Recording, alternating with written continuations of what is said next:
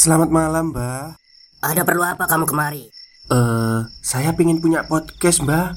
Biar pacar saya makin cinta sama saya. Loh, loh, loh.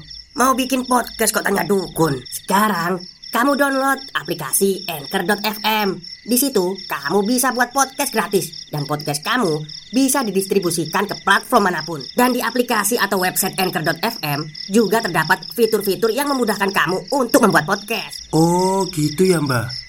Kalau gitu, saya boleh minta password wifi-nya, Mbak. Buat apa? Buat download Anchor.fm, Mbak.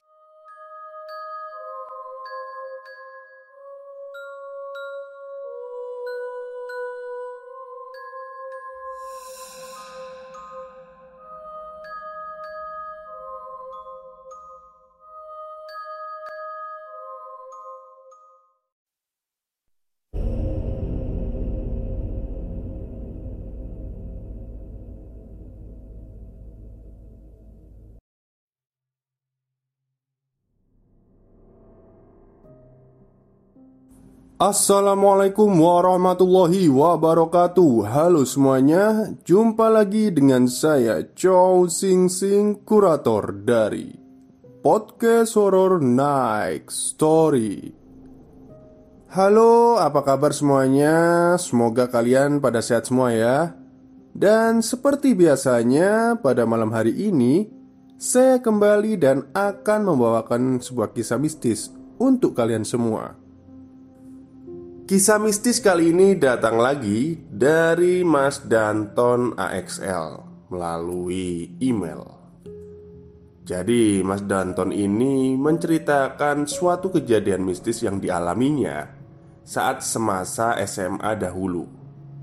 Seperti apa kisahnya? Mari kita simak. Selamat malam Mr. Chow Sing Sing kita bertemu lagi dalam sebuah tulisan. Sebelum saya melanjutkan cerita saya yang kemarin, kali ini saya akan menceritakan terlebih dahulu teror yang saya alami ketika saya masih sekolah SMA dulu. Sebelum saya bercerita, saya mau bertanya pada Mr. Chow Sing Sing dan para audiens yang mendengarkan cerita ini. Pernah nggak kalian semasa sekolah dulu disuruh untuk membuat nasi tumpeng hias di sekolah. Padahal saat itu di sekolah nggak ada sama sekali mata pelajaran tata boga. Kejadian ini terjadi pada saat saya kelas 2 SMP pada tahun 2004. Hari itu menjelang hari kenaikan kelas. Semua wali kelas mengumumkan pada setiap kelas kalau diadakan lomba nasi tumpeng hias yang akan dilakukan per kelompok. Karena di kelas saya ada 40 murid, jadi wali kelas membagi kelompok yang berjumlah itu masing-masing lima orang yang dipilih secara acak. Dan apesnya, kelompok saya itu semuanya laki-laki dan semuanya nggak bisa masak. Saat itu saya satu kelompok dengan Deden, Agus, Imam, dan Hardiman. Dan karena rumah mereka saling berjauhan satu sama lain Jadi kami memutuskan untuk menginap di rumah salah satu dari kami Untuk membuat nasi tumpeng hias tersebut. Dan untuk perkara resep nasi tumpengnya saat itu kami sengaja patungan uang untuk beli buku resep masaknya Ibu Siska Suitomo. Setelah kami berlima berdiskusi panjang, akhirnya diputuskanlah kami semua menginap di rumah teman saya yang bernama Deden. Singkat cerita, esok harinya sepulang dari sekolah, kami langsung belanja untuk keperluan membuat nasi tumpeng hias dan langsung menuju ke rumah Deden. Sama seperti akses menuju rumah saya. Akses untuk menuju rumah Deden ini juga harus ditempuh dengan naik delman, melewati jalan yang kanan dan kirinya sawah, serta kebun bambu yang sangat gelap. di suatu desa di kecamatan Wonorejo, Wanarejo, Garut. Gak sampai di situ, kami semua juga harus berjalan menanjak lagi untuk menuju rumah Deden.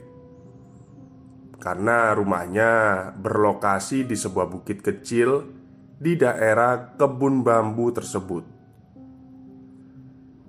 Singkat cerita, Sampailah kami berlima di rumah Deden. Setelah santai sejenak, kami semua pun berkeliling melihat rumah Deden. Rumah Deden ini tergolong cukup unik denahnya. Menurut saya, rumahnya sangat tradisional, Sunda banget lah. Jadi, kalau dijelaskan, tembok benteng dan gerbang rumahnya itu nampak seperti bangunan candi dan di dalam tembok benteng rumahnya itu terdapat empat bangunan rumah yang berjejer, menyerupai bentuk layang-layang. Ada tiga bangunan utama di depan dan satu bangunan rumah dengan teras depan yang sangat luas, yang terletak di lokasi paling belakang. Pada zaman itu, yang namanya kompor gas masih tergolong mewah. Jadi, kami memasak menggunakan kompor minyak tanah dan membuat satu tempat masak lagi dari kayu bakar. Pada saat itu, kami mempersiapkan bahan masakan dan memasak di samping rumah yang paling ujung belakang karena tempatnya enak dan terasnya juga luas. Kami mulai memasak dari sore. Singkat cerita, malam pun tiba Agus yang sedang merokok di sebelah iseng bertanya kepada si Deden Eh, orang tua lagi ke mana? Kok dari tadi siang nggak lihat sih? Oh, orang tua sama kakak lagi ke Bandung Karena sedang ada saudara yang nikahan Jadi, saya disuruh jaga rumah selama dua hari Gila, Pantesan aja kamu ngajakin masak di sini. Ternyata ada udang di balik batu toh. Jawab Agus sambil diiringi tawa kami semua. Terus, ini rumah kok banyak banget? Siapa aja yang ninggalin? Tanya Agus. Dan Deden pun menjawab, "Kita sekeluarga aja yang ninggalin." Kita semua tinggal di rumah yang di depan sana Dan rumah yang ini Rumahnya almarhum kakek Tapi sekarang hanya dipakai sebagai gudang Dan tempat penyimpanan wayang almarhum kakek Maklum Keluarga kakek secara turun-temurun adalah dalang wayang golek Jawab Deden sambil meminum kopinya Mendengar kata-kata Deden saat itu saya langsung tersenyum Sambil berkata Hah? Wayang? Serius Den?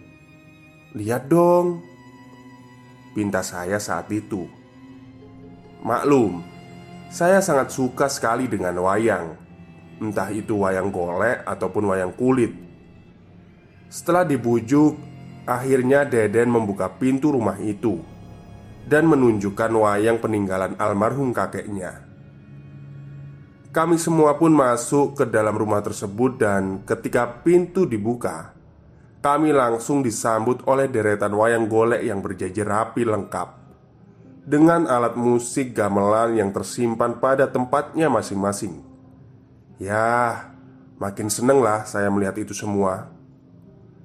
Kalau digambarkan, rumah yang berlokasi di pojok belakang ini ruangannya berbentuk kotak tanpa sekat-sekat ruangan sama sekali. Gak terasa kami sudah lama banget main-main dengan jajaran wayang golek yang ada di ruangan tersebut Hingga tak terasa Masakan yang sedang dimasak di luar pun sudah matang Saat itu Agus dan Imam bergegas keluar untuk mematikan api Sedangkan saya, Hardiman dan Deden tetap di dalam rumah yang dipungsikan sebagai gudang tersebut. Saat itu, si Hardiman menemukan banyak kotak kayu berwarna hitam di balik jajaran wayang tersebut. Nah, si Hardiman bertanya soal isi dari kotak-kotak kayu itu. Kemudian dijelaskan sama si Deden kalau isi dari kotak kayu tersebut adalah wayang yang sering dipakai oleh almarhum kakeknya untuk pentas. Sedangkan yang dipajang di luar kotak hanyalah wayang yang sudah tidak dipakai dan hanya dijadikan sekedar pajangan saja. Yang namanya Hardiman langsung penasaran dan langsung membuka semua kotak kayu yang ada di sana. Ketika melihat-melihat wayang di dalam kotak itu, si Hardiman bilang, "Den, kakekmu kan dalang wayang golek ya? Tapi kenapa ada wayang kulit di sini?" Tanya Hardiman sambil mengangkat kedua wayang di kedua tangannya. Deden pun agak sedikit heran dan benar juga kata si Hardiman. Kok bisa ada wayang kulit di sini? Dia dan saya langsung menuju ke tempat Hardiman yang sedang memegang kedua wayang tersebut sambil membawa lampu minyak tanah di tangan. Maklum, di ruangan tersebut tidak dialiri listrik. Jadi, sumber penerangan kami saat itu ya cuma lampu minyak yang dibawa oleh si Deden. Saya yang setiap subuh sering menonton acara wayang kulit di TVRI langsung tahu dan menyebutkan kalau kedua wayang yang dipegang oleh Hardiman tersebut adalah wayang Prabu Duryudana dan wayang Sengkuni. Saat itu saya langsung mengambil wayang Sengkuni dari tangan si Hardiman dan memainkannya. Bayangan yang dihasilkan dari sorot cahaya lampu minyak tanah dan wayang kulit tersebut menjadi mainan kami berdua. Sedangkan si Deden menonton dari belakang Stop stop Kita break sebentar Jadi gimana? Kalian pengen punya podcast seperti saya? Jangan pakai dukun Pakai Anchor. Download sekarang juga. Gratis. Tak lama kemudian Agus dan Imam pun memanggil kami untuk makan malam dan sekaligus menyiapkan nasi tumpeng dan segala hiasan untuk acara besok siang di sekolah. Kami bertiga pun langsung meletakkan kedua wayang kulit tersebut begitu saja dan lari keluar ruangan. Singkat cerita, waktu sudah menunjukkan pukul 10 malam. Saat itu, kami berlima belum bisa tertidur jadi, hanya bisa begadang sambil menonton acara televisi saja dan sambil mengobrol di rumah paling tengah. Malam itu, suasananya sangat dingin sekali dan hawanya juga dingin. Eh, Den, emang setiap malam kalau di sini suka dingin banget ya? Tanyaku. Enggak kok. Ini juga aku heran, kenapa ya malam ini kok dingin banget? Jawab Deden sambil berselimut sarung di kursinya Saat itu kami semua sedang menonton acara Smackdown Tiba-tiba Kami semua mendengar sayup-sayup suara gamelan Dari arah luar Dengar deh. Ada suara. Kata Agus. Dan kami semua yang mendengar itu Langsung refleks lari ke arah kursi karena ketakutan. Imam bilang, "Mungkin saja kalau itu suara radio dari tetangga sebelah." Tapi Deden menjawab gak mungkin karena tetangga di sini jauh banget. Deden langsung mematikan televisi untuk mendengarkan lebih jelas arah suara gamelan tersebut yang ternyata dari arah rumah yang paling belakang. Den, Kok kamu gak bilang sih kalau rumahmu ini angker? Tanya Agus Enggak kok Ini juga baru pertama kali aku ngalami seperti ini Jawab Deden sambil gugup Akhirnya kami semua sepakat Untuk mematikan lampu Dan tidur di ruang tengah dan tidak menghiraukan suara gamelan yang sayup-sayup terus terdengar dari arah luar. Dan hasilnya, kami semua nggak bisa tidur. Hingga tiba-tiba terdengar suara ketukan kayu di jendela. Tok, tok, tok. Mendengar itu, kami semua langsung kompak menutupi muka kami dengan sarung karena kaget dan ketakutan. Suara ketokan tersebut terus berbunyi. "Den, mungkin saja ada tamu di luar," kataku. "Orang gila kali ah yang bertamu jam 12 malam kayak gini." Umpat Deden. Lama berselang, suara ketokan kayu di jendela pun hilang dan kami pun mulai agak sedikit tenang saat itu. Namun, karena dari tadi lampu rumah dimatikan, sedangkan lampu luar rumah tetap menyala, jadi penerangan kami hanya berasal dari cahaya lampu luar rumah yang menembus tirai-tirai jendela.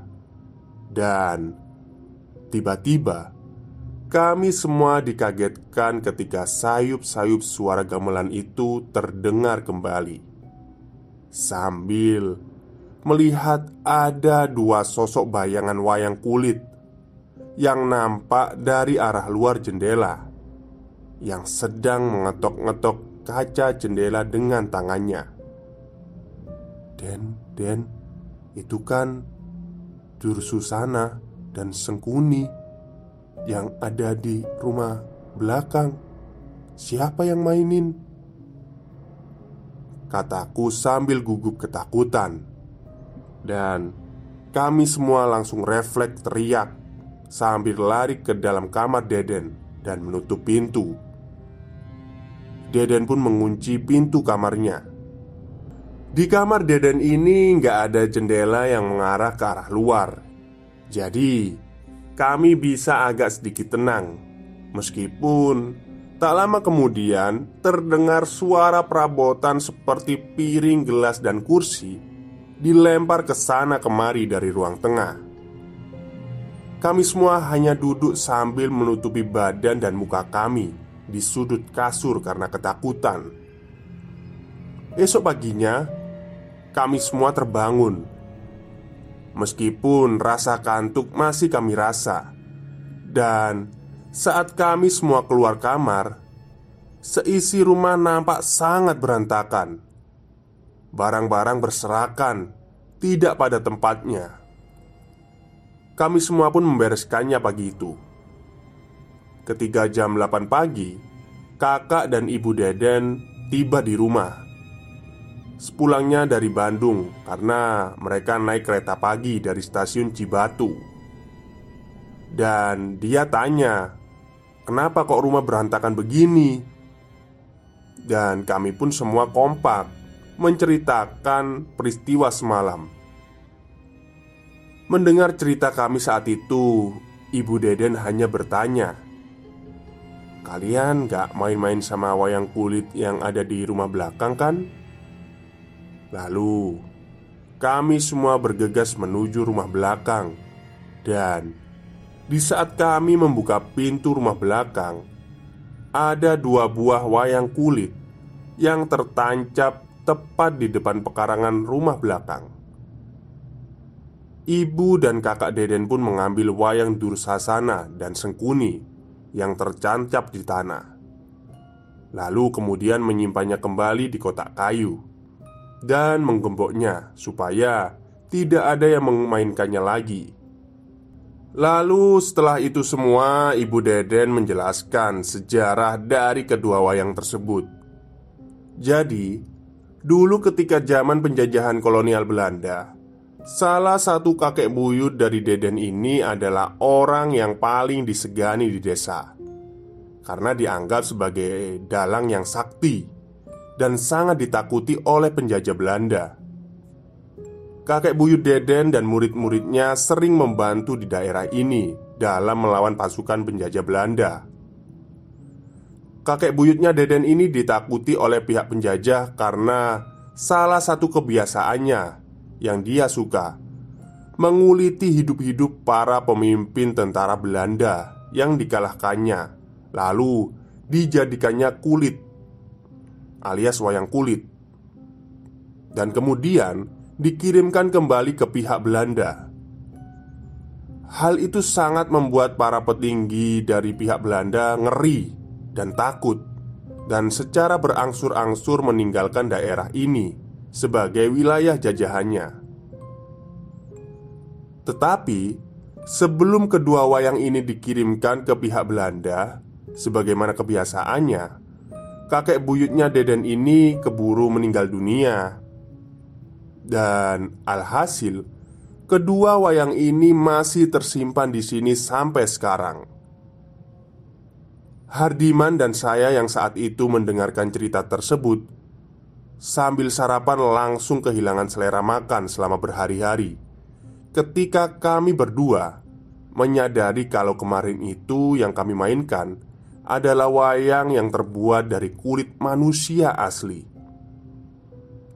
Dan Lanjut Ibu Deden bercerita Kalau penunggu dari kedua wayang tersebut Suka keluar dan mengganggu Jika kedua wayang tersebut berada di tempat yang gelap Dan disinari oleh cahaya api Hingga bayangan dari kedua wayang tersebut nampak Jadi yang sering nonton wayang kulit pasti tahulah Gimana bentuknya bayangan tersebut itu sebabnya rumah belakang tidak pernah dialiri listrik dan diterangi lampu dari dulu hingga sekarang. Ya, supaya jaga-jaga ya. Supaya bayangan dari kedua wayang tersebut tidak keluar karena cahaya apa pun. Mau dibakar ataupun dikubur pun percuma.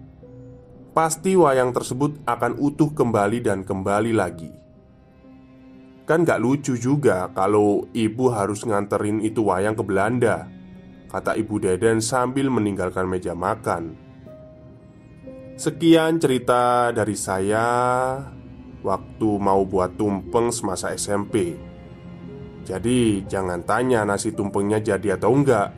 Yang jelas semuanya berantakan Diacak-acak Dan alhasil Ibu Deden yang membuatkan nasi tumpeng dadakan untuk kami dengan bahan ala kadarnya saat itu.